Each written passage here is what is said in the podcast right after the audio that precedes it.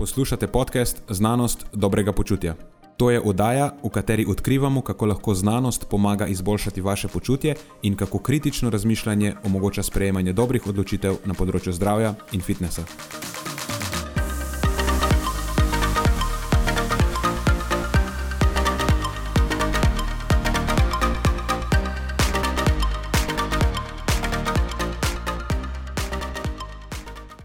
Pozdravljeni, z vami smo Nenad in moj sovoditelj Matjaš.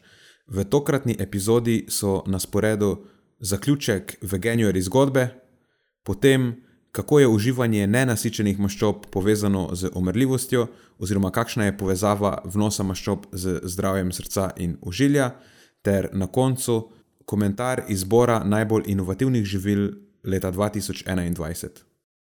Preden začnemo, pa se moram zahvaliti še našim sponzorjem. Zaenkrat to še vedno ni velika korporacija, temveč zvesti poslušalci, ki nam izkazujete zaupanje in podporo s prijavo v našo člansko skupino Znanost dobrega počutja. Hvala vsem, ki s tem držite luči prižgane in omogočate podkastu, da raste in postaja še bolj kakovosten. Hvala tudi vsem, ki nas podpirate s pozitivnimi komentarji in visokimi ocenami, ter s tem, da priporočate podcast svojim znancem in prijateljem. Zdaj pa je končno čas za začetek epizode. Uživajte ob poslušanju.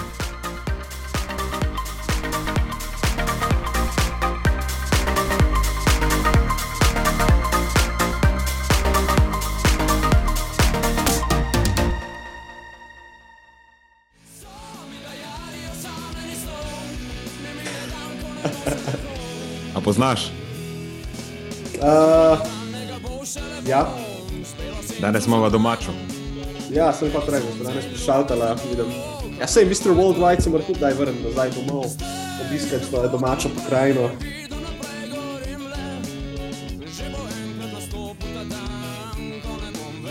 Ja, pred kratkim sem začel spet malo poslušati Sidarto. Sem je prevlekel iz prašnih arhivov, ali kako rečejo. Ja. Ja, jaz sem tudi um, pred kratkim malo pogledal svoj library izpred desetih let in uh, ugotoviš, koliko ene glasbe, dobre glasbe, ki si jo poslušal v preteklosti, pa si čist pozabil na njo in je v bistvu še vedno, še vedno je prav dobra. Ne? Ja, In koliko dobre glasbe bo pa še prišlo, neverjetno. no, ne vem, če bo prišlo še dobre glasbe. Sem ni garantirano. Ne pravim, da ne bo, ampak ne vemo. ne vemo, ja, ni zagarantirano, ampak glej, koliko enih uh, mojstrov, genialcev tam zunaj, zihar se bo še kdo našel. Me zanima, če zna kdo pojasniti, zakaj starejši kot smo, tako se mi vsaj zdi, težje sprejemamo novo glasbo.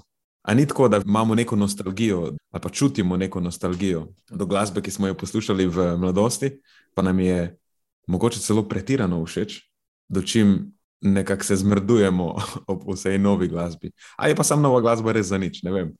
Ampak, a se ti ne zdi, da je to tako spada pod tak malo širši, širšo situacijo, da ne sprejemamo ne samo glasbe, ampak tako nasplošno stvari. Veš, kaj se pogovarjaš s kom pa starejšim, pa le, v mojih letih je bilo tako, pa tako, pa je bilo vse to boljše. Ne samo glasba, ampak tudi druge stvari. Uh, Pa ne vem, če je to tako splošna osebnostna lastnost. Vsaj pri meni se mi zdi, da ni, ker sem dosta odprt za vse nove stvari, eh, tudi neumnosti, nove. Ampak- ja, če si probo, če si probo veganski lifestyle, pa vidim, da je to to. Ampak kar se tiče pa glasbe, pa moram reči, da mi je, sej ni, da ker nasplošno ne maram no, novejše glasbe, vse so dobri komadi. Samo ne morem reči, da mi je večina všeč. Pa dobro, sej tudi stara glasba mi večina ni všeč, ker nekaj prebijam. Ne vem, če je nek vzorec, sej tudi med starejšo glasbo obstajajo kupene glasbe, ki mi ni všeč. Mogoče samo, Mogoče samo kot stare glasbe se spominjamo samo tistih stvari, ki so nam bile všeč, dočim novi glasbi si izpostavljen vsej, in potem mogoče vzameš vzorec samo starejšega, ki ti je bilo všeč, pa rečeš, ja, stara glasba je bila všeč, ta nova ima pa tudi stvari, ki mi ful niso všeč. Ja, moj je bolj tak bias, če me vprašaš. Ker jaz mislim, da najdeš cel kup enih stinkerjev iz preteklosti, ja. cel kup enih stinkerjev iz trenutnega časa in še več jih bo v prihodnosti. Ne vem, do, jaz iskreno ne vem. Doživljam glasbo, mislim, ja, konstantno se spremenja, težko je sprejeti nekaj novega, mogoče na začetku. Kakšni komadi so, ki jih prvič slišim na novo, pa so mi res, res za nič, pa, pa ne vem, nekako padejo v oho čez nekaj časa. Tako da najdem dobre stvari od danes, od včeraj, od deset let nazaj. Da, okay, sej, zdaj nakladamo, to ni glasbeni podcast. Jaz realno nimam pojma o glasbi. DJ Nenad. Ne, ni glasbeni podcast, je pa podcast, ki se začne z malo nakladanja na začetku, zato da se mi dva ogrejeva dobro, pa pa prejdemo na tiste stvari, v katerih je vse malce boljša. drži, drži.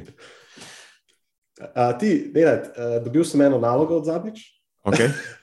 In to je, da te absolutno moram nujno vprašati, kako, eh, kako je zdaj eh, epilog te tvoje viđenje zgodbe, in pa absolutno te moram vprašati, če, to, če boš pogrešal svoj najljubši hashtag, vegan atlet, ki si ga zdaj dodajal v vse svoje Instagram storije. No, to je edina stvar, ki jo bom zares pogrešal, to je hashtag vegan, hashtag vegan atlet.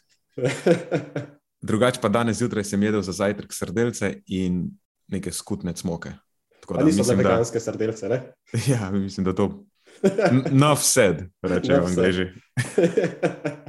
torej, uh, jaz, če jaz prav razumem, si se precej veselil v bistvu zaključka tega. Mm, ja, mislim, da ne bo izpadlo na robe, ni bilo tako strašno. Če bi bila neka potreba, bi lahko komot ustrajal o tem še naprej. Recimo, če bi mi ta moralni argument res toliko pomenil, ali pa v bistvu ne, če bi mi toliko pomenil, ker se zavedam eh, problematik konvencionalne pridelave hrane, Eh, poistovetim se z nekaterimi argumenti, ki jih ima veganska množica. Tako kot sem že omenil v preteklih podcestih, da vidim, kako zelo problematična je konvencionalna pridelava mesa, itd. itd. Ampak zgodba v bistvu ni tako enostavna, da izključimo vso meso in je problem rešen.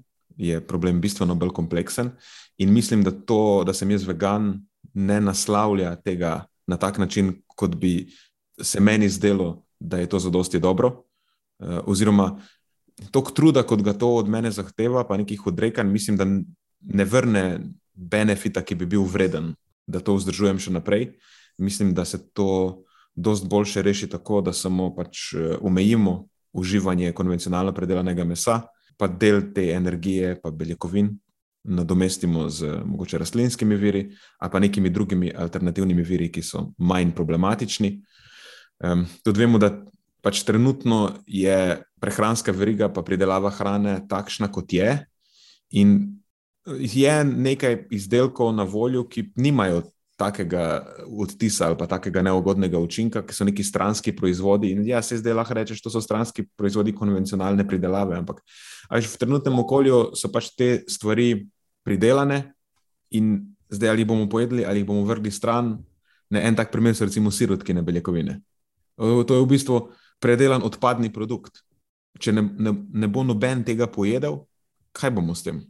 Ne, to, če se zliva stran, povzroča lahko ogromno okoljsko škodo.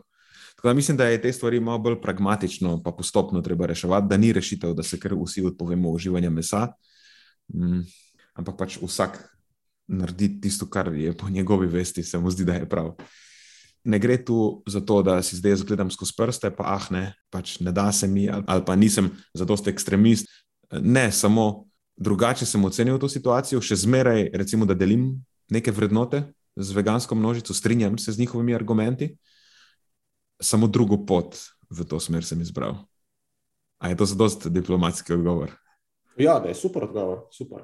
Tako da, um, samo to, da pojasnim, recimo, kako bo mogoče moja prehrana v prihodnje izgledala kot ne vem, če sem omenil že zadnjič, ampak nekaj stvari bom definitivno nesel s sabo. Eh, soja bo predstavljala večji vir energije, pa beljakovino moje prehrane v nadaljne. Mm, mogoče bom več vključeval nekih teh eh, alternativnih proteinov. Veselim se že, ko bodo insekti na voljo. Mislim, da bom drastično zmanjšal uživanje konvencionalno predelanega mesa, ampak mogoče niti ne drastično, ker že zdaj ni, nek, ne, ni bil nek vir, na katerega bi se pogosto zanašal. Um, mogoče bom zmanjšal uživanje mlečnih izdelkov, bom pa vsekakor se redno zanašal na ribe in jajca, pač tega pa ne dam. Dočim, ribe mogoče bi lahko bile še problematične, čeprav te majhne ribe, ki jih jaz večinoma uživam, mogoče niti ne, ali pa manj. Jajca pa lahko rečeš, da zaenkrat je konvencionalna pridelava teh jajc, pa baterijska reja, pa to dost sporna stvar, ampak lej, tukaj pač. Ko bodo začeli prodajati beljake iz uh, jajc, pašnih kokoši, pa se lahko začnemo pogovarjati. Ja. Kaj pa med? Mislim, med, ja, pač med bom tudi užival. Sicer to ni nek pomemben vir za me, ampak ne bom se ga izogibal, ker me tudi niso kupili, sploh pa ne, kar se tiče slovenskega medu. Mogoče bom ne. kupoval samo slovenskega, evo, da boste srečni. Ne, to, je bila, to je bila rahla šala na račun preteklih epizod, ki smo se pogovarjali o tem. Uh, jaz, v bistvu, moje glavno vprašanje je bilo samo še to, ne, kaj, kaj boš uh, iz tega preteklega meseca odnesel dalje, pa si v bistvu super razložil. Uh, še ena stvar je, ne, um, kaj pa to 3D tiskano meso, tudi to mogoče nekaj, kar bo, bi znalo biti. Absolutno, jaz se tega ful veselim. To je nekaj, na kar čakam in kar bi zelo rad probal. Tako da, če nas posluša kdo od kakršnih koli inicijativ, ki se s tem ukvarjajo, prosim, jaz bom zelo welcoming, tako, zelo bo dobrodošlo in bom zelo vesel. In tudi review bo kar se da favorable. Še vedno bo objektiven, tako da pa če bo za nič, bom rekel, da je za nič. Ampak če bo pa dobro, pa bom zelo vesel in bom rade volje razširil dober glas, pa podal pozitivno oceno, če bo temu tako. Odlično, odlično. Sej, uh, nekaj uh, slik, če se ne motim, si že dobil od našega skirfluencerja. Skirfluencer je očitno nekdo poslal. Nek 3D natisnjen izdelek. Ne vem, kako sem jaz izostavil iz te enačbe. Kaman, skirfluencer, boš poskrbel za nas tudi, za svoje filgud prijatelje. In bil je strašno skrivnosten, ker sem ga vprašal, kako prideš do tega, mi je rekel, samo moraš imeti veze. Mislim, hvala lepa, se meni to ne pomaga. Prosim, kje so te veze? Poveži me.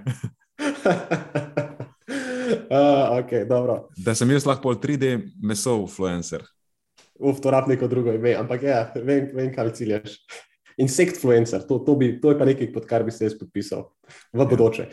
En tomofluencer. Ja, to, to, to je pravilen tehničen izraz, ampak ne vem, če bo kdorkoli razumel, zakaj se gre. Uh, ok, super, super. V Januarju zgodba je torej zaključena. Zaključena. Ja. Zdaj imaš pa že kar precej takih podpasov. Imáš eh, keto eksperimente, imaš eh, na drugem koncu spektra veganske eksperimente. Kaj, kaj te še čaka? Pa ne vem. A je ja. še kaj takega? A je kaj takega? Obstaja sicer, ne, tudi to imam pod pasom. Nekaj časa, takrat, ko sem poskušal keto zadevo, delal keto eksperiment, ki je trajal bistveno dlje kot veganski eksperiment, nekaj dobrega pol leta, se mi zdi. No, za šalo, za šalo, na rekovajih. Za neko obdobje sem poskusil tudi karnivor. A, celo tako. Okay, ja. Pa si pa rešil iz enega konca spektra do drugega. Ja. Kako časa ja, pa to trajalo? Ne vem, mogoče slab mesec dni. Aha, okay. Ampak uno je pa hands down najslabša izkušnja na svetu. Ja, si predstavljam. Je pa samo slabo. grozno. ja, to, to je pa samo slabo. To pa Čekaj, ne bi mogel. Ne bi mogel. Kako to sploh izgledalo točno? Ja, pač ješ meso in obrok. Zalivaš, zalivaš meso z maščobami. In, in to je to. In to je to. That's basically it. Uživaš različne kose mesa in rib, in ja, dodajaš une kose, ki so bolj masni, ali pa neki. Nekaj raznovrstnosti tukaj ni v igri. Ja? Ne, ni tukaj, ni raznovrstnosti v igri. Hmm, kaj bomo danes imeli za večerjo? Veš pa, pa še v normalnih situacijah, tako tisoč stvari, da kjer se, se spomniš, zdaj pa, hmm, pa neko drug kos mesa izbral kot zadnjič za kosilo in to je to. Ne, to je čist bolano. Se po nekaj dnevih pol si začneš gledati skozi prste, reč, okay, se bomo uporabili za čimbe, kljub temu, da so rastline varianta. Veš. Ja, ja, ja. A, a pa, ok, bomo dodali olčnega olja, ker brez tega je pa vse ekstremno, še mm. bolj. A, to je bilo še obdobje, kjer so nenasičene maščobe bile problematične. Ne? Ja, ja, ja. Drugač pa dober, uh, kaj se reče, segway. Pač dober prehod v to. Mhm. Danes glih o teh nenasičenih maščobnih kislinah bomo govorili v mojem segmentu. Aha, ok, odlično. Uh, v bistvu to bilo čisto neenamerno, ampak. Ja, se nisi vedel, sploh tako da. Ne, nisem vedel. Ni moglo biti namerno. Ok, okay. Se, se veselim, se veselim. Ja. No, samo da povzamem to. No, tisto je bilo definitivno najslabši prehranski izziv, oziroma vsaj za me je to bilo najbolj za nič izkušnja. Eh, tudi kar se tiče nekih zdravstvenih parametrov, je bila mhm. tisto živa katastrofa. Mhm. Zdaj tukaj pač ne bo nobenih sprememb, ker nima se kaj spremeniti. Mislim, ne po tem enem mestu, mislim, ne morem, ne morem imeti še bolj optimalne uh, presnovne slike. ja, ja, ja. ja. Veš, Aha, tudi, točno, če, tudi, ja, če, kar vas slika čaka. Ja, mislim, tudi če bi tu zdaj neka variacija se pojavila, je to pač samo slučajna. Uh Mhm. -huh. Ker samo je ravni holesterola tako nizke, um, glukoza je v bistvu optimalna. Veš, nima smisla sploh zdaj primerjati, prej pa potem. Ja, pravzaprav res ne. V bistvu en parameter je mogoče zanimiv, kaj se je z mojim železom zgodilo. To je pa to. Uh -huh. uh, ja. V osnovi na začetku smo se pogovarjali še o B12, ampak smo potem hitro ugotovili, da tudi to se ne bo nič spremenilo, ker tako Ja. ja. ima ogromno izdelkov dodanih B12. Tako, v bistvu moj vnos B12, kot sem uspel poračunati, pa vzeti neko povprečje, je bil skoraj v povprečju, sem zaužil 100% v njih, referenčni vrednosti za vnos vitamina B12 za mojo starostno skupino. Tako da, Više ne gre. ja, mislim, ne verjamem, nič ni za pričakovati, da bi se tukaj spremenilo. okay. Ja, make sense. Ok, to je torej konec tega veganjega izziva, to je bil zdaj zadnji povzetek. Tako, tako. Zdaj gremo pa lahko eh, novim izzivom nasproti. Ne, zdaj bomo nehali delati izzive in bomo jedli normalno naprej. Tako, po liniji najmanjšega odpora in v skladu s svojimi cilji. Tako. Mislil sem bolj druge izzive, eh, kakšne te, eh, recimo športne izzive. A, to pa sem eh, za, absolutno. Tako, absolutno. tako. Ja, Eh, ja. Za tega ninja warrior, uh, vsestranskega športnika, izzive. Ja. Lahko mi rečeš nutrition ninja. Nutrition ninja, tako, tako. Ker zdaj vem, da je še v planu kupiti kolo, ne, pri tebi, Ja, ja, kar pomeni, da še to pride v igro. Drugače sem se zmenil. Danes ga grem iskat. to se bo zdaj spremenil v, eh, v kako se reče, tako, v vzdržljivostni podcast. No, ne bomo pritiravali, prosim. Vsem gain se je treba ne samo ohranjati, ampak jih tudi nadgrajevati.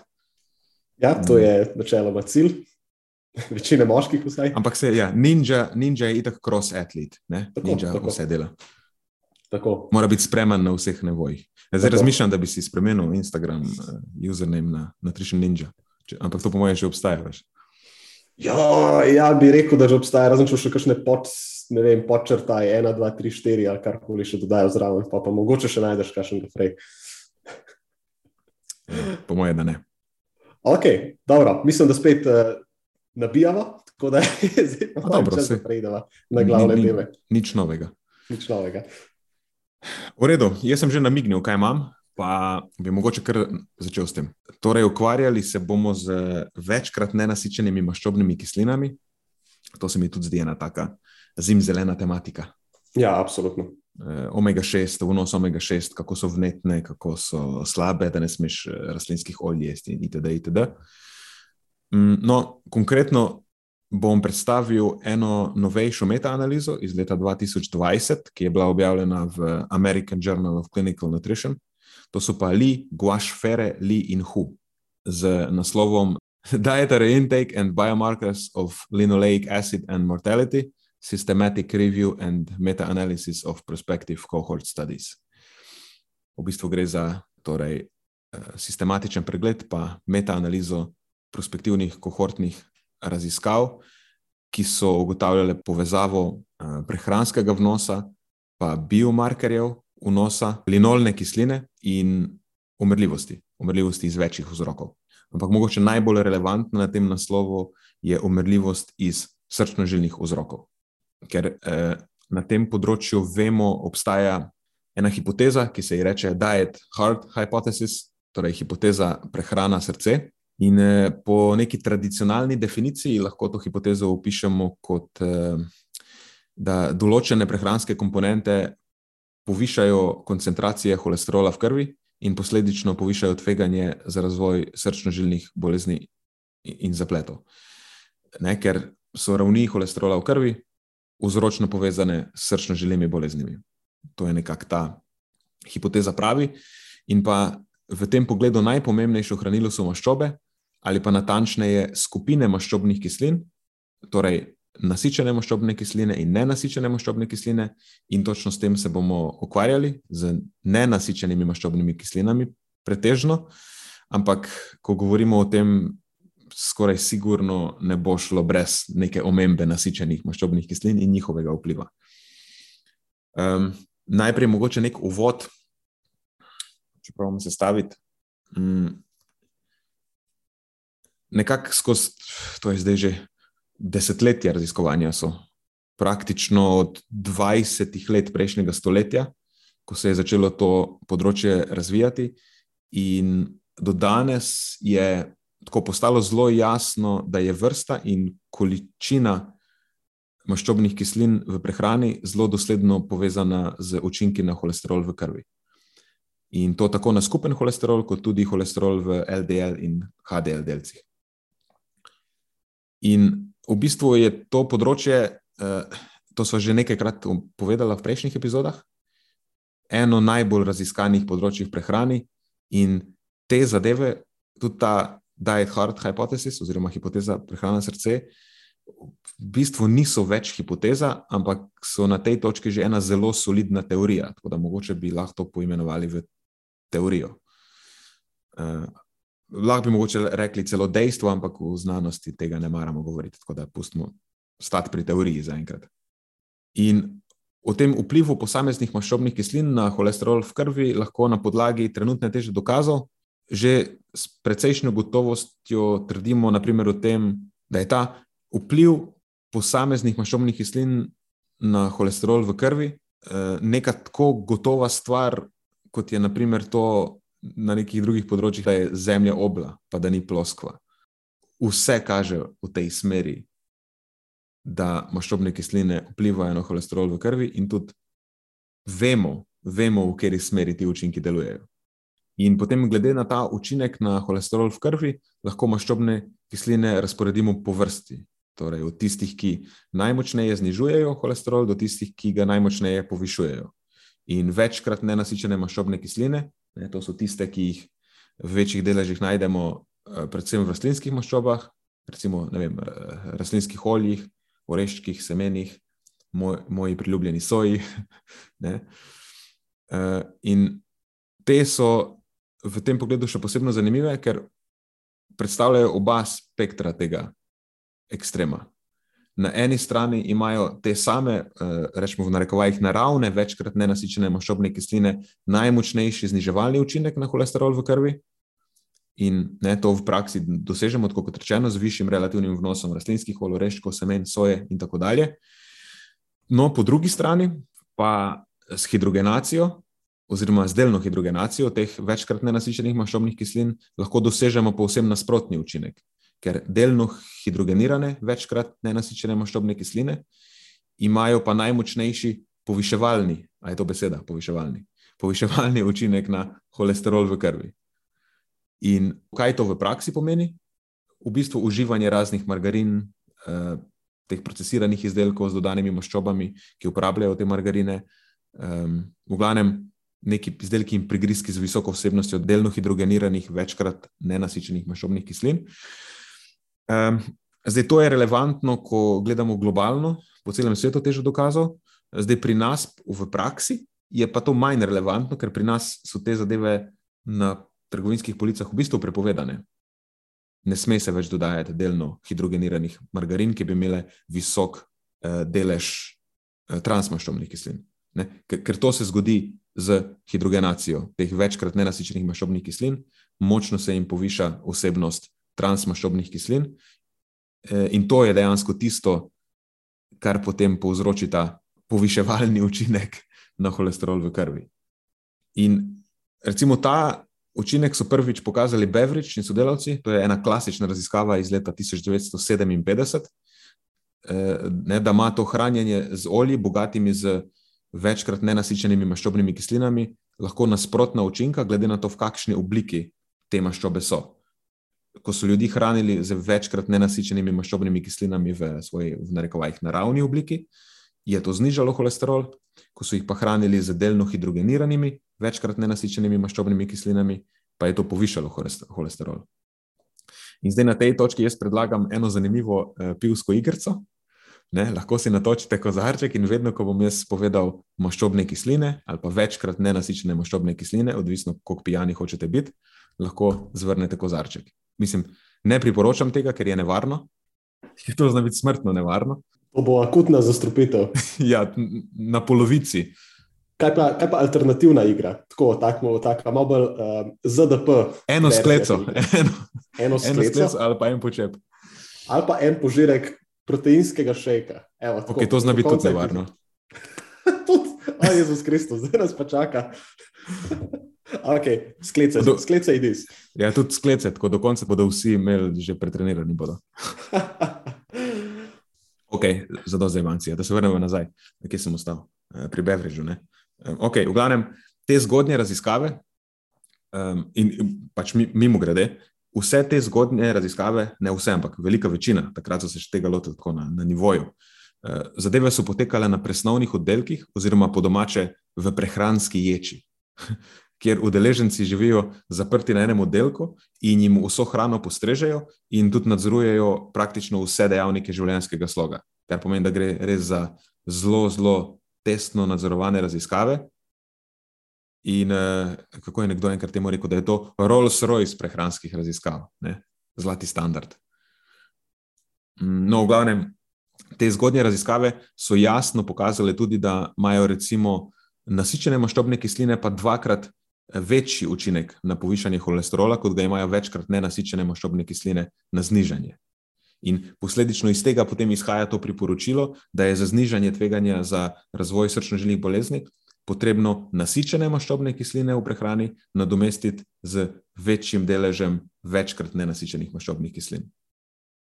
In eh, če govorimo o številkah, se je do danes nekako že kristaliziralo, in pravim, to je zdaj že zelo jasno, da večino ugodnih učinkov dosežemo z omejitvijo nasičenih maščobnih kislin v prehrani pod 10 odstotkov skupnega energijskega vnosa, ali pa morda še boljše pod 9 odstotkov skupnega energijskega vnosa.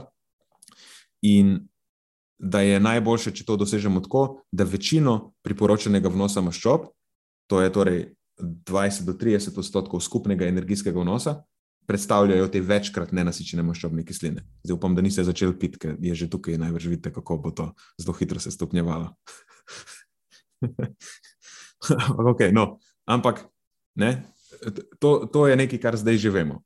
Če pa se vrnemo teh par desetletij nazaj, da poskušam neko vsaj približno koherentno zgodbo sestaviti, eh, na podlagi tistih prvih raziskav v letih 50-60, eh, so potem v 60-ih in 70-ih letih prejšnjega stoletja pa izvedli še več eh, kliničnih randomiziranih raziskav, v katerih so nasičene maščobne kisline iz živalskih masti pa masla zamenjevali z večkrat nenasičenimi maščobnimi kislinami iz različnih virov. To pa tako iz rastlinskih olj, kot tudi z margarin. In to je zdaj en velik problem, ker doskrat te raziskave niso ločile med rastlinskimi olji in margarinami, ampak so vse skupaj zapakirali kot ne, to je pač živilo z visokim deležem večkrat nenasičenih maščobnih kislin. In danes še zmer eh, določeni segmenti teh področji ali pa določeni prehranski kampi dejansko te pomanjkljive raziskave uporabljajo v prid svojim argumentom, da zagovarjajo to, kako so večkrat nenasičene maščobne kisline škodljive, pa kako nasičene maščobne kisline v bistvu sploh niso povezane z povišanim tveganjem za uh, srčno-žilne bolezni, če jih primerjamo z večkrat nenasičenimi maščobnimi kislinami in tako naprej. Ampak ti argumenti so slabi, ker temeljijo na teh zanič raziskavah. In recimo ena takšna je bila, to je znana Sydney Diet Heart Study, eh, v kateri so bili vključeni moški z že obstoječo koronarno srčno boleznijo in randomizirani v dve skupini. V eni so udeleženci še naprej uživali pač njihovo normalno sodobno prehrano z visokim vnosom nasičenih maščobnih kislin, ki je bil takrat za njih uh, okoli 16 odstotkov skupnega energijskega vnosa, tu nekje. In potem v drugo, kjer so pa večkrat nenasičene maščobne kisline povišali na približno enak delež, 15 odstotkov skupnega energijskega vnosa, in to so dosegli tako, da so z njimi nadomestili nasičene maščobne kisline. Torej, v bistvu masla in živalske masti so zamenjali z nečim, ampak s čim so to zadevo zamenjali? V tej drugi skupini je vnos večkrat nenasičenih maščobnih kislin predstavljala margarina, ena posebna znamka margarine, takrat znana Merrickville, se je reklo. In po čem je ta margarina posebna? Potem, da vsebuje 24 do 40 odstotkov transmaščobnih kislin, ker je pač delno hidrogenirana. In potem, kaj se je zgodilo, to, da so po treh letih spremljanja imeli udeleženci v tej kao interventni skupini, oziroma v skupini z višjim vnosom večkrat nenasičenih maščobnih kislin, više tveganje za nadaljne koronarne zaplete. Ne? In to, pa še enkrat, da izpostaviva, ker je na tej točki zelo pomembno to vedeti, da delna hidrogenacija večkrat nenasičenih olj povzroči, da se v teh oljih močno poviša delež transmaščobnih kislin. Ne, in te transmaščobne kisline so tiste, ki so dejansko povezane z eh, najmočnejšimi neugodnimi učinki na najprej na holesterol v krvi, kasneje pa tudi vemo, da tudi na neke druge dejavnike srčno-žilnega zdravja. Tako da v bistvu to hranjenje z margarino dejansko ne kaže vpliva večkrat nenasičenih maščobnih kislin, ampak kaže vpliv transmaščobnih kislin. In kaj se je zgodilo potem kasneje? Leta 2013 je ena skupina raziskovalcev vzela te podatke iz te Sydney Diet Heart Study in je vključila še neke druge podobno pomanjkljive raziskave in so upravili metaanalizo, torej metaanalizo raziskav, kjer ni bilo ločeno, ali gre za večkrat nenasičene maščobne kisline izključno ali gre za neko ne kombinacijo s transmaščobnimi kislinami, izdelno hidrogeniranih, večkrat nenasičenih maščobnih kislin. In na koncu, seveda, rezultati te metaanalize so pokazali, da vnos večkrat nenasičenih maščobnih kislin uh, poveča tveganje za srčno-žilne bolezni. Mislim, logično, če pa niste nadzorovali za transmaščobne kisline, uh, ki so bile prisotne v prehrani precejšnje, precejšnjega števila interventnih skupin uh, v tej raziskavi, ne? ki so pač te interventne skupine uporabljale margarine in delno hidrogenirana olja, in posledično so vsebovali tudi visok delež transmaščobnih kislin. In točno ta metaanaliza, ki je spet za nič metaanaliza, ker ne loči med večkrat nenasičenimi maščobnimi kislinami in transmaščobnimi kislinami, danes še skozi, to je trenutno še zmeraj aktualno, se ti razni revizionisti sploh tisti iz low carb uh, tabora, uh, zanašajo na njo, da potem uh, postavijo nek argument, pa probajo izpodbijati um, to sicer že precej dobro ustanovljeno uh, hipotezo prehrana srca. Pač, lejte, češ, ta metaanaliza pa kaže, da v bistvu so rastlinska olja kriva. Ja, so, če vsebujejo tudi relativno visok delež transmaščobnih kislin. Ampak točno to potem ti revizionisti pozabijo omeniti, eh, da je to za nič metaanaliza, ker vsebuje stare raziskave, pomanjkljive raziskave, in pa da so bile v zadnjih letih upravljene številne boljše raziskave, ki pa so ločile med večkrat nenasičenimi maščobnimi kislinami in delno hidrogeniranimi večkrat nenasičenimi maščobnimi kislinami, ali pa pač transmaščobnimi kislinami. In v bistvu te pa vse po vrsti ugotavljajo to, kar so že povedala, da imajo večkrat nenasičene maščobne kisline najmočnejši ugoden učinek, mogoče bi lahko rekla celo zaščitni učinek, pa da imajo transmaščobne kisline najmočnejši neugoden ali pa škodljiv učinek. No, in zdaj na tej točki vstopi naša metaanaliza, v kateri so pa naredili točno to, da so vključili samo raziskave, kjer so večkrat nenasičene maščobne kisline dejansko Eh, predstavljali viri, ki vsebujejo pretežno večkrat nenasičene maščobne kisline, brez transmaščobnih kislin, eh, ali pa celo so uporabljali biomarkerje, kjer so direktno merili večkrat nenasičene maščobne kisline v tkivih. Oziroma, konkretno tukaj se bomo ukvarjali z eh, linolno kislino, ki je ta omega-6 maščobna kislina, ki je najbolj prebijena na križ. Pokrivam. Ampak, ok, počakajmo na rezultate. Torej, v tem primeru gre za sistematičen pregled in metaanalizo prospektivnih kohortnih raziskav, ki so preverjale vpliv večkrat nenasičenih maščobnih kislin na končne izide umrljivosti iz vseh vzrokov, umrljivosti iz srčno-žilnih vzrokov in umrljivosti zaradi raka. In te vključene študije so morale po, poročati oceno tveganja, to je relativno tveganje, oziroma ta relativ risk ali pa razmerje tveganja, oziroma eh, hazard ratio. In ta ocena tveganja je morala biti v odnosu eh, večkrat nenasičenih maščobnih kislin do enega izmed teh končnih izidov umrljivosti, eh, biti prilagojena za številne relevantne spremenljivke. Eh, ker vemo, da ne, prehranske dejavniki se upadajo z nekimi drugimi dejavniki, to, to je moralo biti nadzorovano. In tudi nadzorovano za transmaščobne kisline. In potem so ločeno analizirali dve vrsti raziskav. Ne, to, so, to so pa že omenili prej. Eh, tiste, ki so preverjale prehranski vnos, in tiste, ki so spremljale biomarkerje, oziroma po domače kazalce uživanja maščob prisotne v krvi. Eh, in kar se tiče prehranskega vnosa, so potem lahko izvedli tudi analizo odmerka in učinka, eh, s katero so pa malo bolj natančno kvantificirali to razmerje odmerka večkrat nenasičenih maščobnih kislin z umrljivostjo. Ne? Koliko recimo en korak po povišanju vnosa teh maščobnih kislin eh, prispeva k tveganju ali pa oduzame od tveganja. In zdaj te najbolj zanimajo rezultati. Absolutno. Mislim, zdaj sem dobil zgodovinsko ozadje in tako naprej. Zdaj pač, ja, veš, zrabam epilog te zgodbe. Evo ga, pride epilog.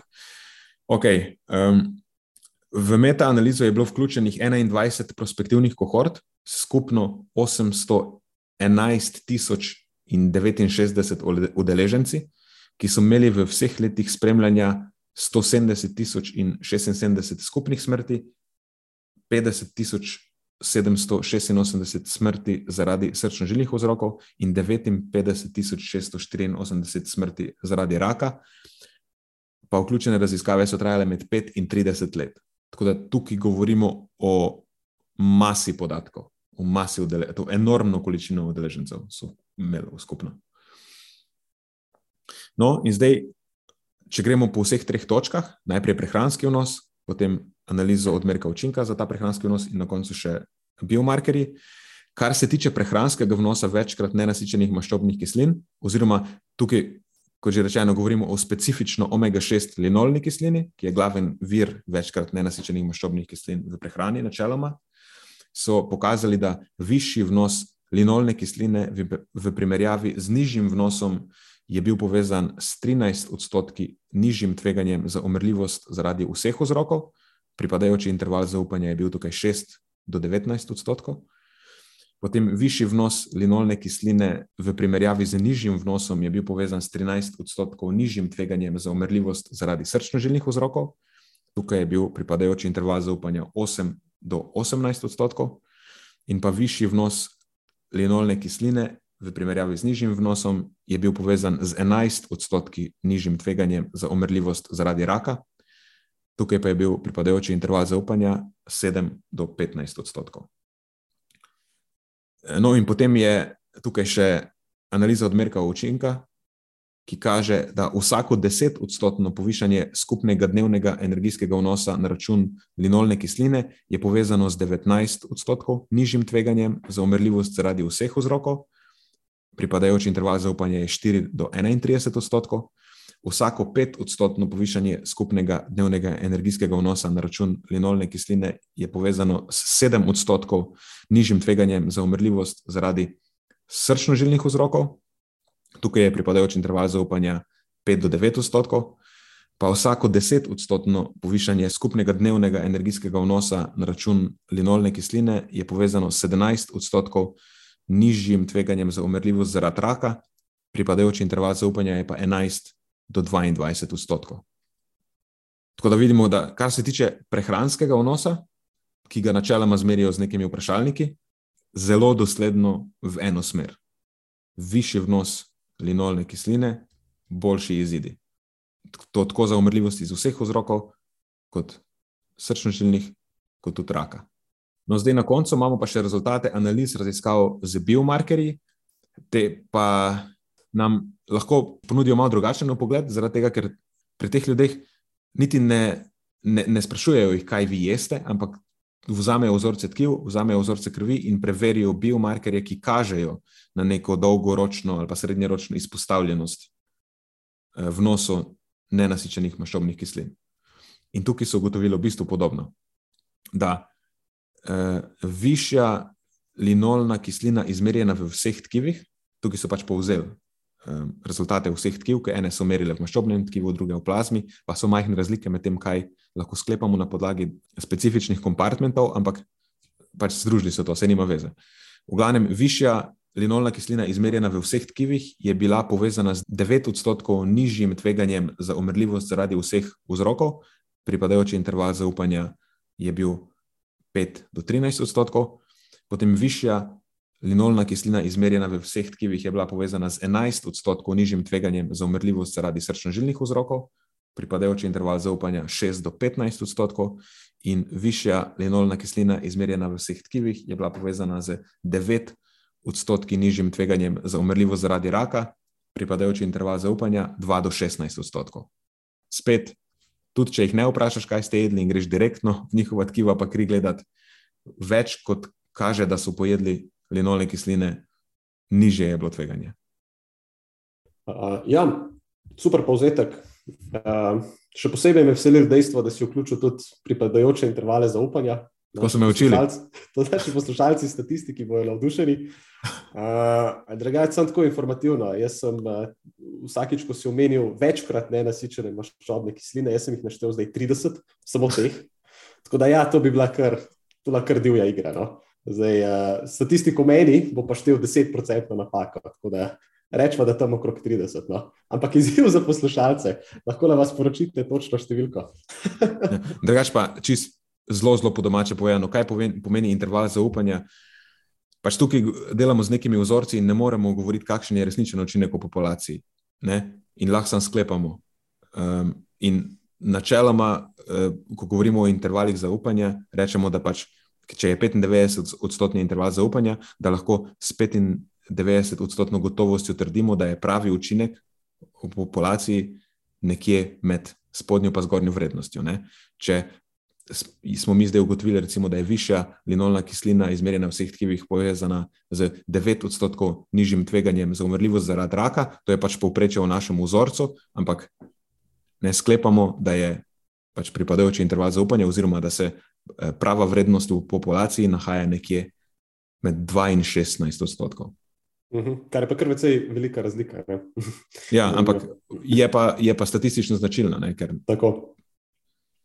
Skratka, če potegnemo črto, višji delež večkrat ne resničnih maščobnih kislin je zagotovo koristen v prehrani. Mogoče ja. bi lahko samo to poudarila, ne? delež in, in ne absolutni vnos. Mogoče je to nekaj, kar se pogosto tudi malo zgodi, ja, ko se pogovarjamo o maščobah. Ne, se to je definitivno. Se, že prej sem omenjal relativen vnos, uh mhm. -huh. ampak sledi v nadaljevanju tudi uh mhm. -huh. ta, ta disclaimer. Uh -huh. um, ampak to po kritičnem pregledu, ker moramo izpostaviti pluse in minuse. Ne? Mhm. Zdaj, med plusi, definitivno je enormna velikost vzorca. To je bilo več kot 800 tisoč ljudi. Um, in tudi ti ljudje so imeli na koncu veliko število izidov, kar je najbrž funkcija tega, da so jih veliko število let spremljali. In to je zelo uporabno za dobro analizo. In še en plus je ta, da so vključili poleg prehranskega vnosa tudi biomarkerje. In pa da so za prehranski vnos imeli toliko podatkov, da so lahko izvedli dobro analizo odmerka in učinka za prehranski vnos. Uh, ko so preverjali heterogenost vključenih raziskav, je bila tudi precej nizka, kar je še en dosti pomemben kriterij za kakovostno metaanalizo. Pa m, mm, kakovost vključenih raziskav je bila ocenjena primerno, ne, to po teh uveljavljenih pravilih za poročanje sistematičnih pregledov in eh, opazovalnih metaanaliz. Eh, zdaj, kar se tiče pa minusov, bilo je malo več heterogenosti pri izidih umrljivosti iz vseh vzrokov, um, ampak ne nekaj, kar bi bilo zaskrbljujoče.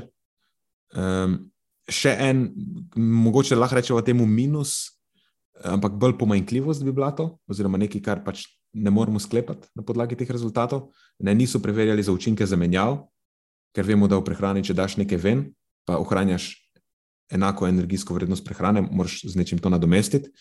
E, torej, niso preverjali, kako bi se učinek lahko spremenil, glede na vrsto zamenjave. Če bi recimo linolno kislino zamenjali z nasičenimi maščobnimi kislinami, ali pa če bi jo zamenjali z oglikovimi hidrati. Tako da oni so pa preverjali samo, kako lahko visok vnos linolne kisline v primerjavi z nizkim vnosom vpliva. Uh, ampak, kako pravim, okay, uh, to v osnovi niti ni toliko velik problem, uh, ker recimo, da nas tukaj zanima nek splošen vpliv linolne kisline, uh, za specifične razlike pa imamo posamezne raziskave in lahko pač gremo pogledat posamezne raziskave, pa tudi sklepamo in pa tudi vemo približno, ne, kako stvari potekajo, in tudi vemo, da ne obstaja ta hierarhija teh vplivov in s čim je boljše kaj nadomestiti um, za najbolj ugodne učinke. Ne, da je recimo najbolj ugodno, če absolutno pač izključujemo transmaščobne kisline, pa jih nadomeščamo z večkrat nenasičenimi maščobnimi kislinami. Eh, potem naslednji so ogljikovi hidrati, če ogljikove hidrate nadomestimo z večkrat nenasičenimi maščobnimi kislinami. In tukaj govorimo o rafiniranih ogljikovih hidratih.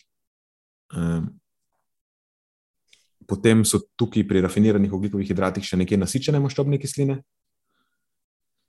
eh, da jih nadomestimo z večkrat nenasičenimi maščobnimi kislinami. Ta izmenjava rafiniranih oglikovih hidratov in nasičenih maščobnih kislin je približno, učinek je približno enak. Ne? Tako da, recimo, ko, ko, ko so imeli kako raziskavo, kjer so preverjali uh, za nasičene maščobne kisline, pa, pa so v bistvu zamenjava, pa so bili oglikovi hidrati, rafinirani, a veš to. Ni se pokazal učinek, ker in eno in drugo je indikator za nič prehrane. E, tako da pri teh, pri teh zamenjavah je treba biti zelo pozoren, s čim nekaj zamenjuješ, če hočeš dejansko učinek pokazati. Mm. In no, potem naslednje so pa eh, enkrat nenasičene maščobne kisline, ki pa tudi same po sebi bi lahko rekli, da imajo nek eh, v narekovajih zaščiten učinek. Tako da to sta dve skupini maščobnih kislin, skupaj z večkrat nenasičenimi maščobnimi kislinami, za kateri se priporoča, da tvorita največji delež skupnega vnosa maščob v prehrani. In tako, kot si že izpostavil, govorimo o, o relativnih deležih. Ne? To ni dodajanje maščob po vrhu, zato da bi dosegli nek delež, ampak pač gre za to, da, da izključimo nasičene maščobne kisline, pa jih nadomestimo z večkrat nenasičenimi maščobnimi kislinami znotraj tega vnosa maščob, ki je približno recimo, 20, 25, 30, se meni zdi, da je malo visoka številka za večino. Uh, sploh če govorimo o aktivni populaciji, ne, takrat vemo, da se je bolj smiselno na oglikove hidrate zanašati. Mm, no, ampak v glavnem, da, da ne zaidem preveč v, v neke druge teme. Uh, ena stvar, ki bi jo še pri minusih izpostavil, je ta, da moramo se zavedati, da tukaj gre za metaanalizo. In to je vedno tako bolj površinska zadeva. Ne? Zato imamo tudi, kot si že opazil, zelo široke intervale zaupanja. Uh, vse je tako zelo na približno. Ampak mogoče v tem primeru to niti ni tako velik problem. Prvič zato, ker rezultati zelo dosledno kažejo v eno smer. Ne, tudi če zdaj ne moremo točno kvantificirati nekih učinkov, pa govoriti o koliko gramov, koliko kaj.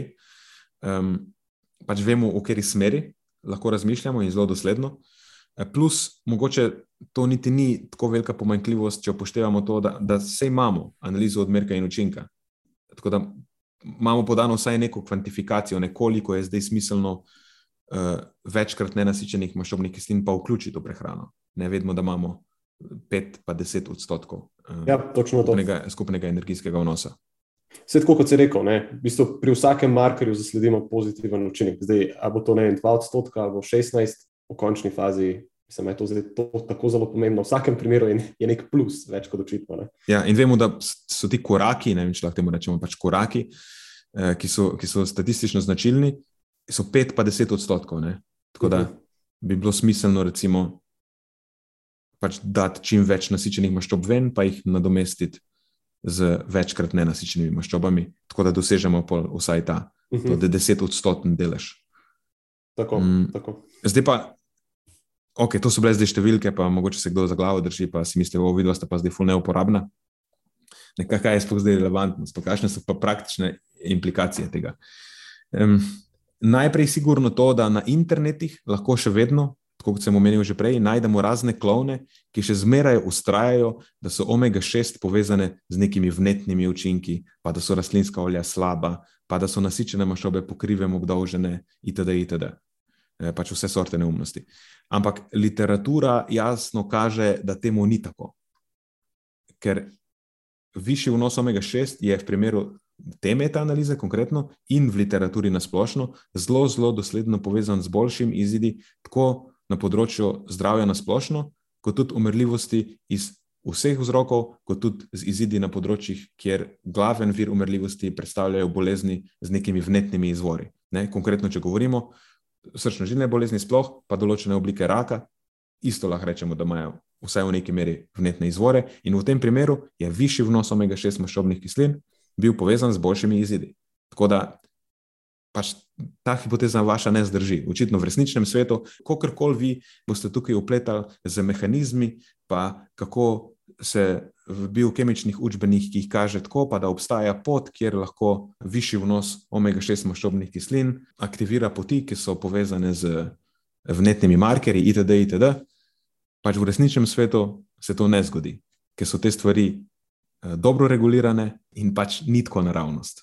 Mhm. Ne, ne bo se povišalo vnetje v telesu, če ni za to nekega razloga. Ne moreš kar s prehrano sprožiti nekih takih uh, učinkov. Hrana ni zdravilo, kot koli bi neki biokemiki radi to verjeli.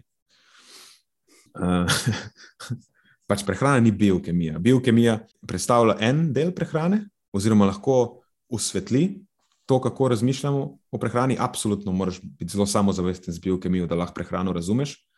Ampak prehrana niso biokemične poti, ampak je tudi fiziologija. In to, kar kažejo biokemični učbeniki, ker je vse naravnost, v fiziologiji doskrat nitko, ker potem neke fiziološke zakonitosti povozijo te uh, v bistvu preproste razlage, ki so pač v biokemičnem učbeniku doskrat izuzete iz konteksta. Ne, redko kdaj je v, v teh učbenikih predstavljeno, kako to v neki veliki sliki, kako v organizmu te stvari potekajo, pa kako se prepletajo, pa kaj vse vpliva na to, je pot bo bolj aktivna, pa je manj. Um, tako da ne. Kljub temu, da je mogoče obstaja kakšna mehanistična raziskava ali pa celo raziskava na živalskih modelih, kjer kaže, da če jih pač šopajo z omega-6 maščobnimi kislinami, um, da, da je to povezano z višjimi ravni nekih markerjev vnetja, pač pri ljudeh, sploh ko gledamo končne izide, se to ne zgodi. In mogoče tukaj zdaj lahko še dve starejši raziskavi izpostaviva. Ena je, naprimer, Jakobsen in sodelavci, ki so 2009 objavili zbrane podatke iz 11 kohort, v katerih je vnos večkrat nenasičenih maščobnih kislin variral med 1,7 odstotka in 10,6 odstotka, in vnos nasičenih maščobnih kislin, ki je variral med 9,4 odstotka in 21,3 odstotka. In njihovi rezultati kažejo, da je zamenjava 5 odstotkov energije iz nasičenih maščobnih kislin z večkrat nenasičenimi maščobnimi kislinami, povezana s 13 odstotnim znižanjem relativnega tveganja za koronarne dogodke in s 26 odstotnim znižanjem tveganja za smrt zaradi koronarne bolezni. Tako da še par kohort, ki kaže v bistvu zelo podobne rezultate kot ta metaanaliza. Pa še ena starejša metaanaliza, Farvida in sodelavcev iz 2014, ki vključuje 12 kohort iz ZDA, Evrope in Izraela in je primerjala višji z nižjim vnosom linolne kisline.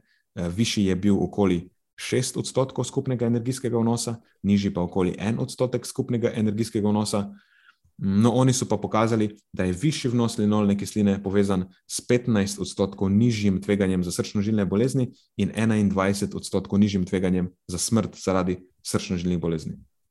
In tudi oni so opravili analizo odmerka in učinka, ki kaže, da je vsako pet odstotno povišanje linolne kisline povezano z deset odstotkov nižjim tveganjem za bolezni in 13 odstotkov nižjim tveganjem za smrt. Ne, tukaj govorimo o srčno-žilnih izidih. Glej, absolutno nobene podlage ni, na kjer bi lahko danes utemeljil stališče, da je višji vnos večkrat nenasičenih maščobnih kislin, eh, še posebej omega-6 linolne kisline, kakorkoli škodljiv. In v bistvu je ravno nasprotno um, čim višji delež tvojega maščobnega vnosa, delež, govorimo o deležu, predstavljajo večkrat nenasičene maščobne kisline, boljši izid lahko pričakujemo. In tukaj govorimo o deležu maščob, ne da zamenjuješ hidrate z večkrat nenasičenimi maščobnimi kislinami, ampak da zamenjuješ nasičene ali pa transmaščobne kisline z večkrat nenasičenimi. In kaj to v praksi pomeni, čisto v praksi, kaj pomeni? To pomeni to, da na solato daješ, ne vem, pač bučno ali pa olčno olje, da kuhaš z olčnim ali pa repičnim oljem, da ješ oreščke in semena, da so to tvoji glavni viri maščob. A, a pa da ješ sojo, pa tofu, pa sojene jogurte. Sem se že spraševal, na kateri točki boš sojo omenil. ja, tako da to, kar se tiče maščob, so to smernice za optimizacijo. Sploh, ko govorimo o srčno-žilnem zdravju, ampak tudi na splošno. Tudi, če gledamo izide na področju uh, recimo, kognitivnega zdravja, se zelo skladajo. Vse to je logično, ker vemo, da sta srčno-žilno in kognitivno zdravje povezana. Možgani so za svoj supply oziroma dobavo energije in hranil odvisni od užilja, pa od srca. Mm, vidimo pa tudi, da v tem primeru očitno za raka to velja do neke mere, pa za umrljivost iz vseh vzrokov. Tako da pač nadomestite nasičene z večkrat nenasičenimi, nadomestite živalske maščobe z rastlinskimi in boste pač živeli dlje in bolje, po domače povedano. Tako. Pa za praktične implikacije to tudi pomeni, da ne dajete svojega masla v svojo kavo in boste dobri. Ja, pač to je samo neumno. ja, ne, super. Tole, mislim, da bi lahko to uh, definirali teh zadnjih 15 minut kot uh, mic drop. Uh, in lahko, lahko uh, lahko končno damo stran uh, te omega-6 maščobe, večkrat ne nasičene maščobe iz, uh, iz tega mesta, ki si, si ga ne, neopravičeno dobili skozi uh, leta. Ja. Dobro. Kaj imaš ti? Zdaj, jaz na srečo nimam članka z zelo dolgim in zahtevnim naslovom, kot si ga ti imel nenad. Uh, imam pa eno temo, ki je po mojem mnenju podoben pet piv, kot so bili tebi, tele maščobe. Uh, in to je torej neka zadeva, ki mi gre že, že nekaj časa na živce, in to je uh, izbor za najbolj inovativno živilo. Ne? Ker vsako leto Inštitut za nutricionistiko razglasi najbolj uh, inovativna živila, proizvedena v Sloveniji. Uh, In k sodelovanju v ta razpis, seveda, povabijo potrošnike, proizvajalce in tako naprej, in potem na koncu izberejo nek nabor živil, uh, in ta izbor naj bi temeljil na sestavi živil in njihovi hranilni vrednosti. In kljub temu, da se mi iskreno ta ideja zdi v bistvu tako precej zanimiva, precej všečna, moram reči, ampak izdelki, ki pa prejmejo to nagrado, me pa običajno ne prepričajo. Zdi se mi, kot da je vsako leto podobna zgodba. Par izdelkov, ki je dobrih, ali pa ima vsaj potencial, da bi bilo lahko nekaj več pod narekovaji. Večina jih je tako, tako, potem jih je pa par takih, ki se mi zdijo pa čisto brez veze. Tako da, disclaimer na začetku tega segmenta. Jaz v osnovi nimam nič proti tem živilom, ki so na teh seznamih, vsaj z nekega ne, kulinaričnega vidika. V bistvu, iskreno bi večino teh živil probal, tako. Ampak spet iz kulinaričnega vidika. Če pa govora o nekem najbolj inovativnem živilu in če je kriterij sestava in hranilna vrednost tega živila, bi pa vsaj jaz rekel, da mora tako živilo v osnovi rešiti nek problem sodobne prehrane ali pa biti nekaj ekstra. In eh, zato je ta segment danes nastal bolj kot, ne, kot neka taka dobro namirna kritika, ker mislim, da ima zadeva potencial. Lahko bi bila tako kot neke vrste, veš, Oskarjeva prehrani varianta. Ampak ta trenutek, tako kot je zasnovano, pač ni. Ne, trenutno so Viktori. trenutno so Viktori, lahko spravimo pa zadevo do Oskarja. Uh, tako da, kakorkoli že, mislil sem, da bi mogoče šli čez tale seznam, ki je letos prišel ven, tik pred kratkim, pa bi mogoče delili uh, svoje mnenje na vsakega izmed teh izdelkov. Um, tako da, lahko kar začnemo, recimo, nagrada za inovativnost v skupini OMAK je prejel Lečin Bolognese.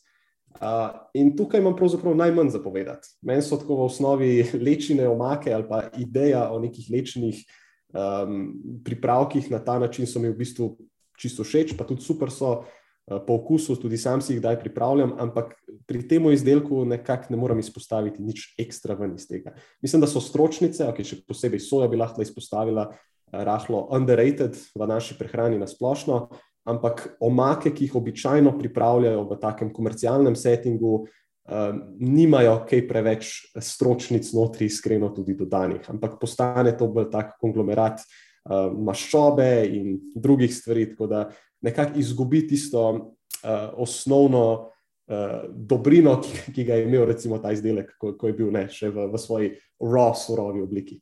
Uh, ne vem, ali si ti že kdaj probal kakšne te uh, take zadeve? Ne, Lej, jaz sem probal razne boloneze in obstaja zdaj že kup alternativnih virov beljakovin. In če govorimo o nekih novitetah, pa uh, revolucionarnih novostih v prehrani, pa bi bil to nek fake bolonez, ful boljša izbira, ker obstajajo na trgu. Uh -huh. A veš, pač, ki bi dejansko imel okus kot bolonez, ker lečen bolonez je ni, ni bolonez, ki mora vsaj spominjati na meso. Točno to. Kar pa bi mogoče lahko tukaj izpostavila, tako kot neko alternativo, Um, tega sem sicer mislil prišparati za na koncu, kot nekaj takih mojih idej, ki so se mi zdele tako smiselne alternative. Je recimo ta drobljenec, o katerem sem ugotovila. Evo, iz ja. tega pa mislim, da se lahko naredi super fake bolognese. Celo recept sem zapisal v zadnji članek. Celo recept imamo. ja. no. Jaz mu sicer rečem, uh, kako sem dal testenine z omako veganes. Veganes, tako je. Ja. Evo, še ime imamo. Vse smo servirali na pladnju. Ja, v bistvu je klasičen recept za bolognese, samo da daš drobljenec noter. No, in, in, in kaj zdaj, recimo, ta recept drugače odlikuje kot recimo take omake? Ja, pač bistveno višji delež beljakovin ima dejansko in potem bolj podobno kot bolognese, oziroma na nek način še celo bolje, ja. ker ima še, še nekoliko več beljakovin v tem kontekstu in ne vsebuje proporcionalno gledano toliko maščob. Ker maščobe realno gledano niso nekaj, kar bi pomankovalo v sodobni prehrani, oziroma prej rečeno je to nasprotno. Dejansko, zdaj, če bi primerjal ta naš veganes z navadnim bolognezom, dobiš verjetno približno podobno količino beljakovin na porcijo, ampak kaj efektivno narediš, kar je zelo zdaj aktualno v tej epizodi, Uh -huh. ker je v drobljencu glaven vir maščob uh, sončnično olje, pa tudi manj jih je, kot recimo, če uporabiš neko klasično mleto meso, kjer je glaven vir maščob, nasičene maščobne kisline, ker je pač večinoma ali je rdeče meso ali tudi svinjina ima precejšen delež nasičenih uh -huh. maščob. In si a, eno zmanjšal si maščobe v tem obroku, in zdaj so to pretežno večkrat nenasičene, namesto nasičenih. In tukaj zdaj realno rešuješ problem sodobne prehrane. Evo ga. No, In tudi bolj okusna je zadeva, upam bi staviti. v bistvu, ja, jaz bi tudi kar dal roko v ogenj, ker sem probal že oboje na različne načine in drobljenec na, na ta način pripravljen, na ta veganes način je, ne vem, meni se zdi fantastičen. Uh, tako da, evo, da, da ne bo izpadlo, da samo blativa, ne, ampak ponujava dejansko tudi neko alternativo, ki je na trgu, by the way. Ni to zdaj nekaj, kar so se mi dva spomnili. ne. Ja, tukaj edino je problem to, da mi dva govoriva o sestavinah, ni, ni že pripravljen obrok. Tukaj, Ni že pripravljeno, brok, ja. Ampak se tudi v tem izboru v bistvu niso samo že pripravljeni obroki, ker je tudi nek kruh. Pa tako, ne? Tako, Ampak ja, tako. v bistvu gre, se tudi kruh lahko reče, da je že pripravljena jed. Mhm. Okay, recimo, da gre že za neke že pripravljene izdelke, oziroma izdelke, ki so izdelki, ki niso samo sestavine.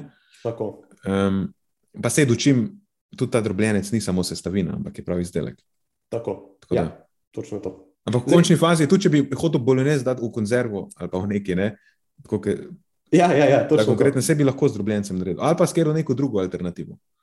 Ja, ja lej, sej, se pravi, jaz nimam zdaj vseh teh idej pa rešitev, ampak dal bi se, po mojem mnenju. No? Mislim, da ne sliši Ja. se kot tako zahteven uh, živ, živilski uh, skok. E, omenil si kruha, ne? Evo, tega bi pa pomoče kar poimenoval po imenu, to je pa odšpar premium kruh z bučno prgo in drožmi. Zdaj, uh, prga, mimo grede, to je produkt, ki nastane pri procesu stiskanja bučnega olja. To je taka, neka ena taka pogača, ki ostane v preši od teh praženih, zmletih, pa stisnjenih bučnih semen in je tako dokaj hranilno bogata. Je. Mislim, da v krmu za ribe je to nek, so nekoč dajali, če se prav Tudi, spomnim. tudi res To je ja. moj fotor uporabljal za eh, krmiti ribe, ki so šli na ribičijo. Evo, imamo še izkušnje iz prve roke. In, uh, evo, ta, ta stvar se mi pa dejansko zdi zanimiva, pa tudi cena ni, ni zdaj bohve kaj. Če prav vidim, je evro 39 na, na, na pol kile, kar zdaj ni taka sprdnja, če se lahko tako Ne, ne, to sploh ni drago, to je klasična cena za kruh. To je klasična cena za kruh. Tako da a, tudi precej podobna makrosestava je drugim kruhom. Edin malce višji vnos, maš, mislim, malce višji delež maščobe je približno 6 gramov na 100 gramov, seveda večji delež tega so nenasičene maščobe, ampak ok, to je še spremljivo po mojem mnenju. No? To ni zdaj ekvivalent tistim beljakovinskim kruhkom, ki, ki temelijo na a, oreških semenih in imajo potem, ne vem, vem, 15-20 gramov maščob na 100 gramov. Ne? A, tako da, evo, ta stvar se mi iskreno zdi Mm. zelo zanimiva. To bi znalo biti tudi po okusu zelo zanimivo. Bi bilo treba Mhm. probati. Tako da, ja, veselim se, bomo probali, pa, pa poročamo. To to je thumbs up. To je thumbs up. To je, thumbs up. Yeah. A, To, zdaj to imamo- zdaj definitivno, en- je, definitivno je inovativno. to je inovativno, absolutno. Tako da zdaj imamo en thumbs down, imamo en thumbs up, zdaj videl pa nek tak thumbs in the middle, kako bi okay. rekel, tako neka srednja, srednja. In to je nagrada v skupini mlečnih izdelkov, kjer je zmagal pa kefir z dodanim vitaminom D3. Tako da v bistvu se gre za klasičen kefir. Čakaj, čakaj, naj te ustavim zdaj. Ja, Kako je lahko mlečen izdelek z dodanim D-vitaminom inovativen izdelek? To tako že 20 To let. obstaja že delamo. sto let, ja. No, vse to, vse to. In to, to je ena stvar, to je ena stvar. Druga stvar je pa to, da je pa dejstvo, koliko tega vitamina D ima dodanka. In to je pičlih 40 internacionalnih enot na 100 gramov izdelka. Tako da tudi, če bi pojedel tega pol litra na dan, ne, Ja, kaj liter rabiš. liter bi rabil, da bi dubil neki, mislim, pa, pa še tle smo nekje na spodnji meji tistega, kar bi jaz nekomu priporočal, uh, vsaj skozi zimsko obdobje. Ne. Tako da ah, lahko bi bila dobra ideja, če bi bilo to speljano 15 let nazaj, pa če bi dodali vitamin D v, ne vem, krat 2 do 3, recimo. Pol pa mislim, da bi nekako šlo skozi. Ja, ampak veš, prej so ga dodajali v mleko in jogurte, zdaj pa je v kefirju. Dajmo ga v skir dati naslednje leto, pa lahko mogoče zmagamo. Hej, Jrnej, Jernej, to je, dvo- to je tvoj drugi poziv ta podcast. to je, to je drugi poziv. Prosim, kon- kontaktiraj, izkoristi zdaj te svoje veze, da se dodaja zadeva v skir. Ali pa v tisto 3D tiskano meso ali karkoli se. Ne- Nekam ga ne dodaja. V to bi bilo šele inovativno. No, evo, to pa je dejansko. Le, kako idej tle mečemo ven. Upam, ej, naslednje leto pričakujem, da, da bomo prišli na vsaj nekaj, kar je podobno Oskarju. uh, ok. Potem imamo nagrado za inovativnost v skupini polnozrnatih izdelkov in to so pirine testenine sirotko. Zdaj pa, jaz tukaj po vseh svojih močeh in sposobnostih brskanja po spletu nisem uspel najti, ali je ta sirotka tista klasična tekoča sirotka, ali se gre za sirotkine beljakovine v prahu. Pa tudi to je jasno. Napisano. Ja, je jasno. Ni, sirotko. Sirotka, ne? Ja, se ja. ni napiše s sirotkinimi beljakovinami. Ja, ja, ampak špazi to, ne, kaj, kaj mene tle potem še, še dodatno zmoti, je še ta način komuniciranja tukaj. Lej, sirotka zagotovo sodi med najboljše oblike beljakovinskega dopolnila, hkrati postreže tudi s celotnim naborom zdravstvenih koristi. Asistira pri izgubi telesne teže, predvsem na račun maščob, pripomore k ohranjanju, obnovi in rasti mišic ter ponuja pod, močno podporo imunskemu sistemu. Zdaj, to bi se podpisal, če bi se pogovarjali. Jaz ne vem, o... če je to dovoljeno. Jaz tudi ne vem, če je to dovoljeno.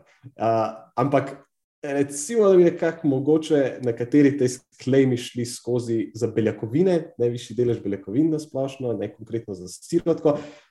Zagotovo ne konkretno za sirotko, kot je bila tle, po mojem mnenju, dodana in to je tista klasična sirotka v tekoči obliki. Tista. V bistvu pravilno ime za ta izdelek so testenine z laktozo.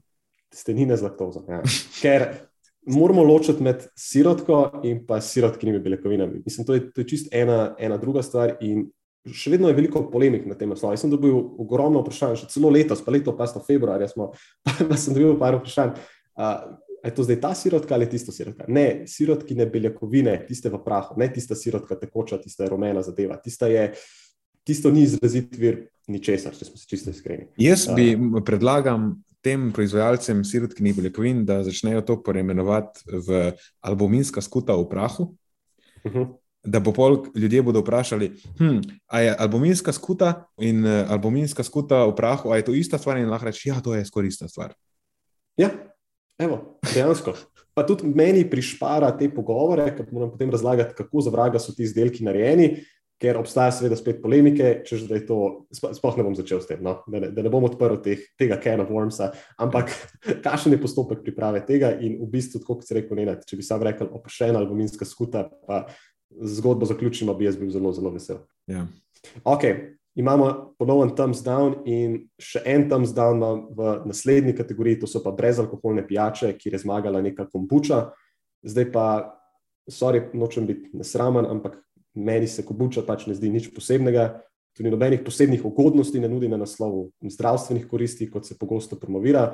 Lahko je čisto ok, nizkokalorična pijača ali pa neka taka alternativa drugim sladkanim pijačam, ampak to je pa v osnovi to. In zdaj, če sem čisto iskren, meni okus po kombuči tudi ni nek presežek na splošno. A obstaja neka alkoholna pijača, ki se ji kis dodaja? Ne vem, obstaja. Je to to? Ja, mislim, efektivno je to, to ne? ampak efektivno je to. to sprašujem, če kdo meša pijače s kisom. Po mojem, da ne, no, ne vem, morda. Okay. V glavnem to je pijače s kisom. Evo, e, meni je to všeč, veš, kaj ti tako bolj poenostaviš te stvari. A veš, sirotke ne beljakovine v prahu, oproščena aluminijska skuta. Kombuča, kaj je to, jaz ne znam tega izgovoriti. A to je pijača s kisom. ne, sej ni isto, ne, ampak zelo sorodni živili sta kis pa kombuča. Ja, to pa je res, to pa je res. Okay. Um, dobro, imamo tukaj še en namaz, prej smo imeli tisti lečen bolognese, potem je pa tukaj nek namaz iz laškega fižola. Zdaj pa ta izdelek me tudi iskreno ni prepričal. Um, mislim, fižol kot tak je čist ok živilo, se spet, če pogovarjamo o stročnicah, čisto v redu predstavnik uh, enega izmed uh, takih finih skupin živil, ki bi ga lahko na bolj redni bazi vključevali v svojo prehrano. Uh, ampak zdaj pa, če naredimo iz tega namaz, ki ima na 100 gramov 15 gramov maščob in da je tretjina teh maščob nasičenih maščob, in da je poleg tega uh, delež beljakovin zgolj 6 gramov na 100 gramov izdelka, smo pa kar naenkrat iz tega fižola naredili eno skropucalo, po mojem mnenju. Čakaj, kako uh, nasičenih maščob, kaj se pa dal noter? Uh, imam tukaj sliko zgolj ne, te hranilne sestave, zdaj nimam še sestavin zraven, ampak predstavljam si, da pač očitno nekaj vir nasičenih maščob. Ne vem točno kaj, upam, da ni spet kaj ta klasični kokos ali kaj tasga. ne vem točno. Če kakšen je, koliko je, imaš prehransko deklaracijo? Tako, ja, spravi, na 100 gramov izdelka ima dobrih 200 kalorij, od tega je 15 gramov maščob, 11 hidratov, 8 vlaknin in 6 beljakovin. Koliko je pa nasičenih od teh 15? 5. A, lahko so v cvirki. Hmm, možno, možno.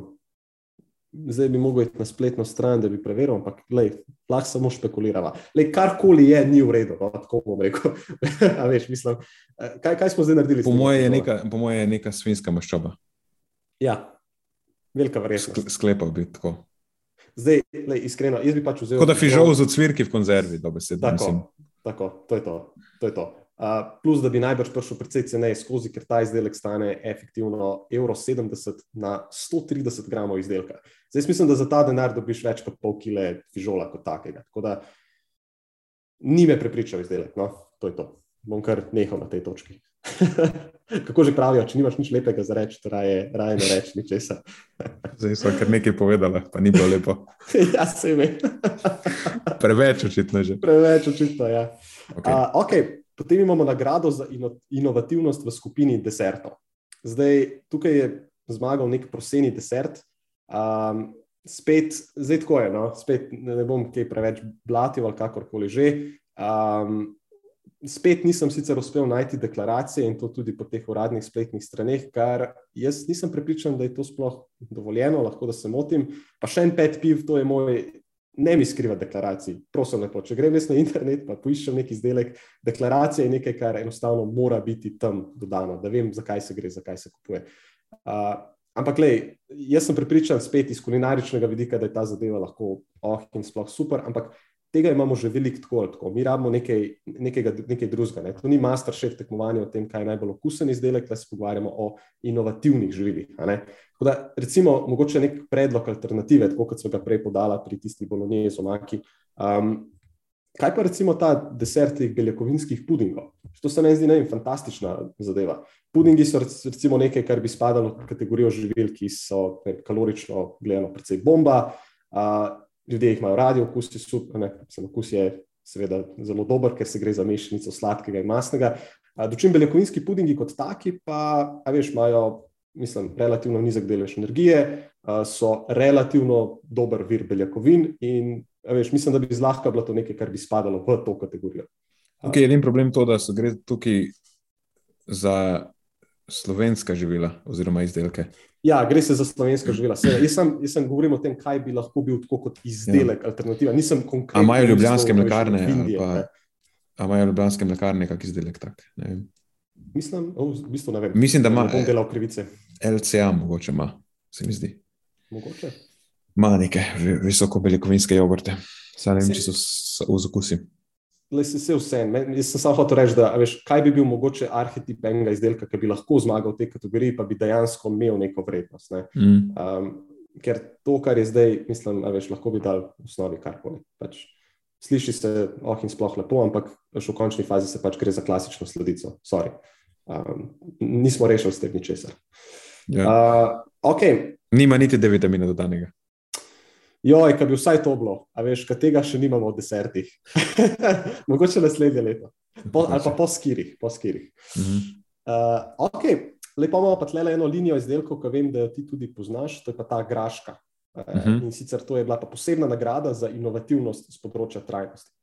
Uh, tako da vem, to podjetje, graška, se mi pa zdi kar taka ne, zanimiva stvar. Mm -hmm. ne, gre se za tak trajnostni prehranski sistem, lokalna pridelava uh, in tako naprej. Imajo precej, nisem precej heterogeno linijo, imajo sploh ti izdelki iz fermentiranih stročnic, so meni precej zanimivi. Tako da tukaj bi si zelo upal dati thumbs up -huh. po dolgem času. Ja. Uh, drugač, njihova inicijativa je meni všeč. Uh, poznam projekt, poznam tudi prej, ker sem imel, kaj je bila kuča, kuča Madre.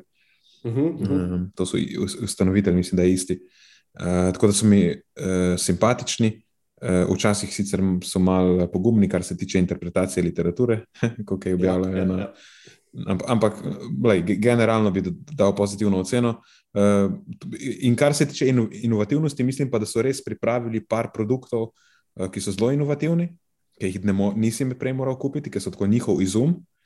Edin, mogoče, kar bi v prihodnosti rad videl, je, da malo uh, jih prehransko optimizirajo, ker prehranilno gledano še zmeraj niso zelo mhm. ugodni. Razen tofu, pa tempeh, je pa pač kapo dol, ni kaj. Klasično. ne. Ja, Pač ja, ja. klasična. In še ena stvar, zanimiva je njihov dimljen tempeh. Tega še nisem nikoli prej še videl. Aha, ja, to se sliši zelo zanimivo. Ja. Veš, da- dejansko, to pa dejansko, to je pa de, definicija. Njihovi izdelki pa so recimo definicija inovativnosti. Tako, tako. Kljub temu, da nam mogoče eh, neke dele linije niso najbolj prehransko všeč, ampak ne bi imel kaj reči. eh, Ja, gredo v pravi smeri, vsekakor. Ne? Ja, ja, tako da si vsekakor zaslužijo mesto v tem izboru. Ja, Skupaj s, s kruhom iz bučne prge. tako, tako, točno to.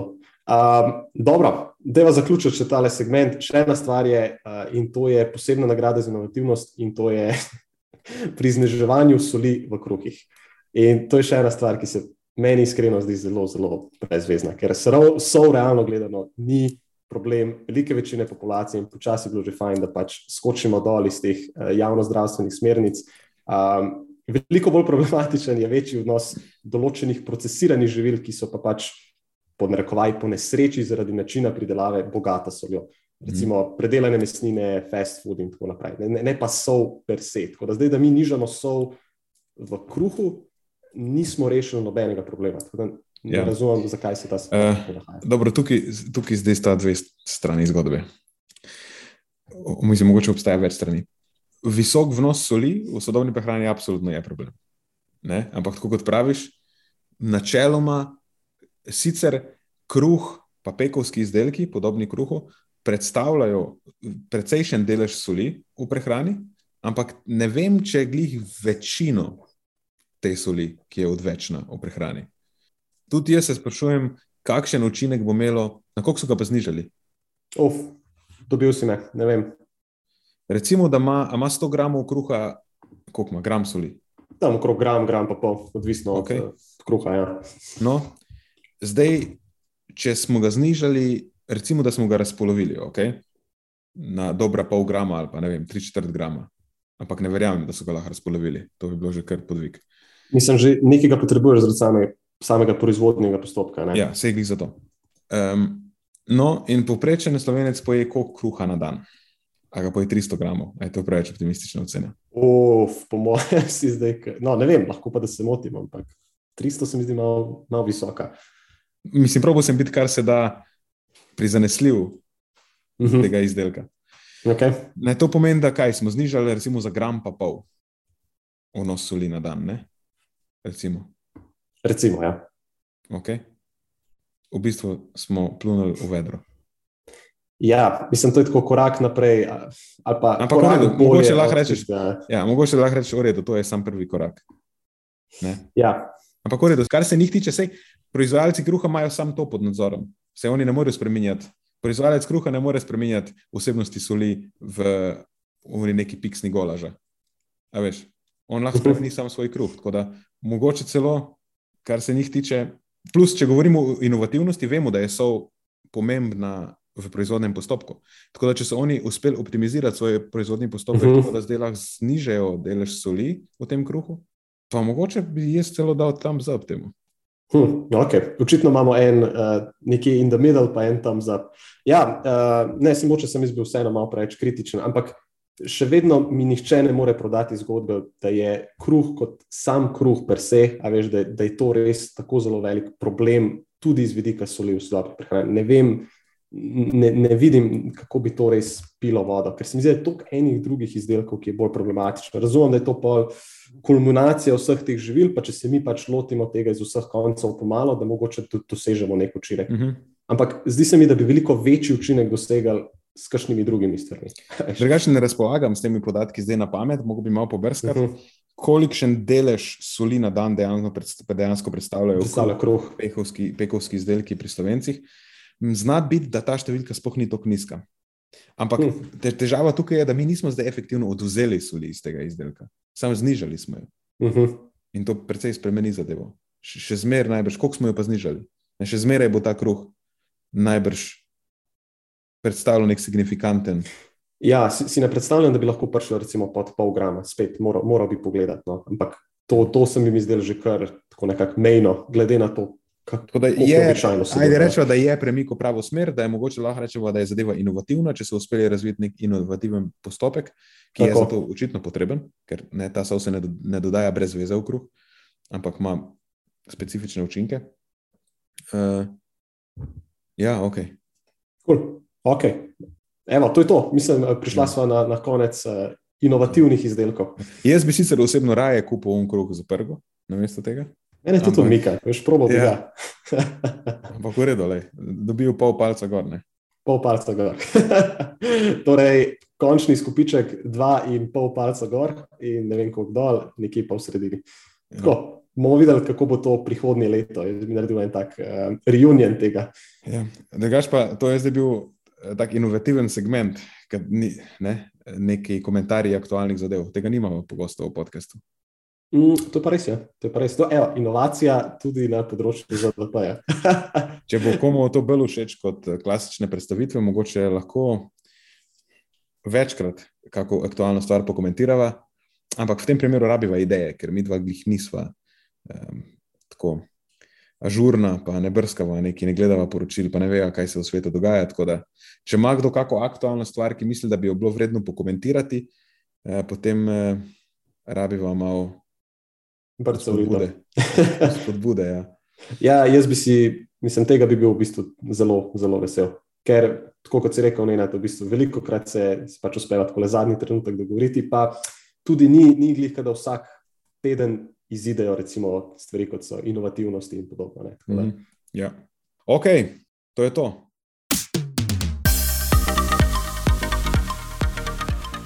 To je za tokrat vse iz naše strani. Hvala, ker ste poslušali do konca.